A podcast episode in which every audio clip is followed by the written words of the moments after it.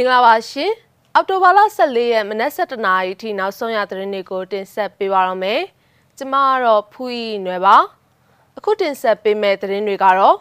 အာနာသိန်းစစ်ကောင်စီလက်ပါစီအုပ်ချုပ်ရေးပိုင်းတာဝန်ထမ်းဆောင်ဖို့ရှောက်ထားသူတွေကို PDF ကလေးသတိပေးလိုက်တဲ့သတင်းခရမ်းမြို့ရှိမိုင်းတဲတာဝါတိုင်းမီးရှို့ခံရတဲ့သတင်းဒေါက်တာဇော်ဝေစိုးနဲ့ဦးမင်းကိုနိုင်တို့ရဲ့ပုံစာအတုအွန်လိုင်းပေါ်မှာပြန့်နှံ့နေတဲ့အကြောင်းအပါအဝင် နောက်ဆုံးရသတင်းတွေကိုဆက်လက်တင်ဆက်ပေးပါမယ်။စကိုင်းတိုင်းကလေးဒေသအတွင်းအာနာသိန်းစစ်ကောင်စီလက်အောက်ခံခရိုင်မြို့နယ်ရကြီးအုပ်ချုပ်ရေးပိုင်းမှာတာဝန်ထမ်းဆောင်ဖို့ရှောက်ထားသူခန့်အပ်ခံရသူတွေရဲ့နာမည်စည်းရင်းကိုအတိအကျရထားပြီးသူတို့အနေနဲ့စစ်ကောင်စီလက်ပါစီအဖြစ်ဆက်လက်ဆောင်ရွက်မယ်ဆိုရင်ပြပြတတတုတ်တင်ချေမှုန်းသွားမယ်လို့ PDF ကလေးကသတိပေးထုတ်ပြန်လိုက်ပါတယ်။ အကြမ်းဖက်စစ်ကောင်စီကသူ့ရဲ့အဓိကတောက်တိုင်ရန်နေရာတစ်ခုဖြစ်တဲ့ရက်ွက်ကြီးရွာအုပ်စုမြို့နယ်ခရိုင်အထွေထွေအုပ်ချုပ်ရေးအတွက်လိဟာနေတဲ့ဝန်ထမ်းနေရာတွေကိုပြန်လည်ဖြည့်တင်ပြီးအကြမ်းဖက်ဖိနှိပ်အုပ်ချုပ်မှုရန်နေရာကိုပြန်လည်အသက်သွင်းဖို့ကြိုးပမ်းနေတယ်လို့ PDF ကလေးကဆိုပါတယ်။ကလေးဒေသပြည်သူ့ကာကွယ်ရေးတပ်ဖွဲ့ PDF ကလေးဟာအကြမ်းဖက်စစ်ကောင်စီကိုအထောက်ပံ့ပြုနေတဲ့ရန်နေရာတွေတောက်တိုင်တွေလက်ပါစီတွေအလုံးကိုပြက်ပြက်တသားတိုက်ခိုက်ချေမှုန်းသွားမယ်လို့ အတိအလင်းကြီးညာထားခဲ့တာလည်းဖြစ်ပါတယ်။ဒီနေ့အောက်တိုဘာလ14ရက်မနက်၈နာရီဝန်းကျင်က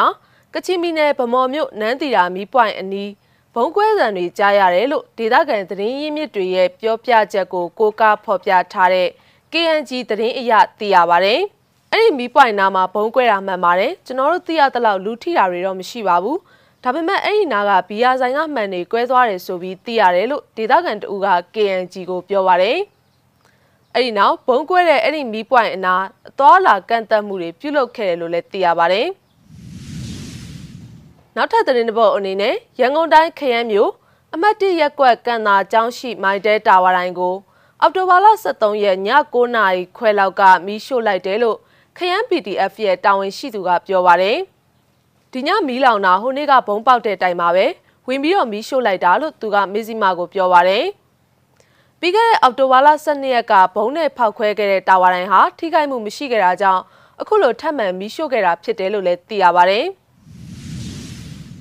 တအောင်းတက်မတော် TNL ကရှမ်းမြောက်ကုတ်ခိုင်မြို့နယ်ရှိကျေးရွာအချို့မှာ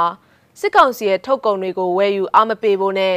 စိုင်မာကြန့်ရှိနေသေးတဲ့ထုတ်ကုန်တွေကိုအောက်တိုဘာလ23ရက်မှာဖျက်ဆီးခဲ့တယ်လို့ ဒေသအခြေဆိုင်ရွှေဖီမြေသတင်းအရသိရပါဗျ။ဆိုင်ရှင်တွေကိုလည်းနောက်နောင်ဝယ်ယူရောင်းချတာတွေဆက်မလုပ်ကြဖို့ဝန်ခံကတိလက်မှတ်ထိုးခိုင်းခဲ့တယ်လို့သိရပါဗျ။စစ်တပ်ကအာဏာသိမ်းပြီးနောက်ပိုင်း TNL တပ်ဖွဲ့ကစစ်တပ်ရဲ့ထုတ်ကုန်တွေကိုဝယ်ယူအားမပေးဖို့ထုတ်ပြန်ထားပြီးကုံစုံဆိုင်တွေစီကိုလည်းဇွန်လကလေးကစာပေးပို့ထားခဲ့တာဖြစ်ပါတယ်။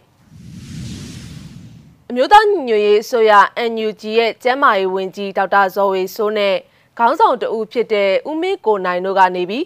ပြည်သူ့ကောက်ွယ်တပ် PDF တွေကိုအိမ်ပြန်ဖို့သူ Facebook ကနေပြီးပြောထားလေဟန်ပုံအတုတခုအွန်လိုင်းပေါ်မှာပြန့်နှံ့လို့နေပါတယ်။အဲ့ဒီပုံထဲမှာဒေါက်တာဇော်ဝေဆိုးကအခု post ဟာပြန်ဖြတ်မဲ့ post တစ်ခုဖြစ်ကြောင်းတော်လိုင်းမအောင်မြင်တဲ့အတွက်ရဲဘော်တွေကိုတောင်းပန်ကြောင်းနဲ့ NUG ထိပ်ပိုင်းခေါင်းဆောင်တွေမှာတာဝန်ရှိရဲဆိုတာတွေရေးသားထားပါတယ်။ အလားတူပဲခေါင်းဆောင်တူဖြစ်တဲ့ဦးမင်းကိုနိုင်ကလည်းအဲ့ဒီလိုမျိုးပြောလေဟန်ပုံစံလဲပြန့်နှံ့နေတာပါ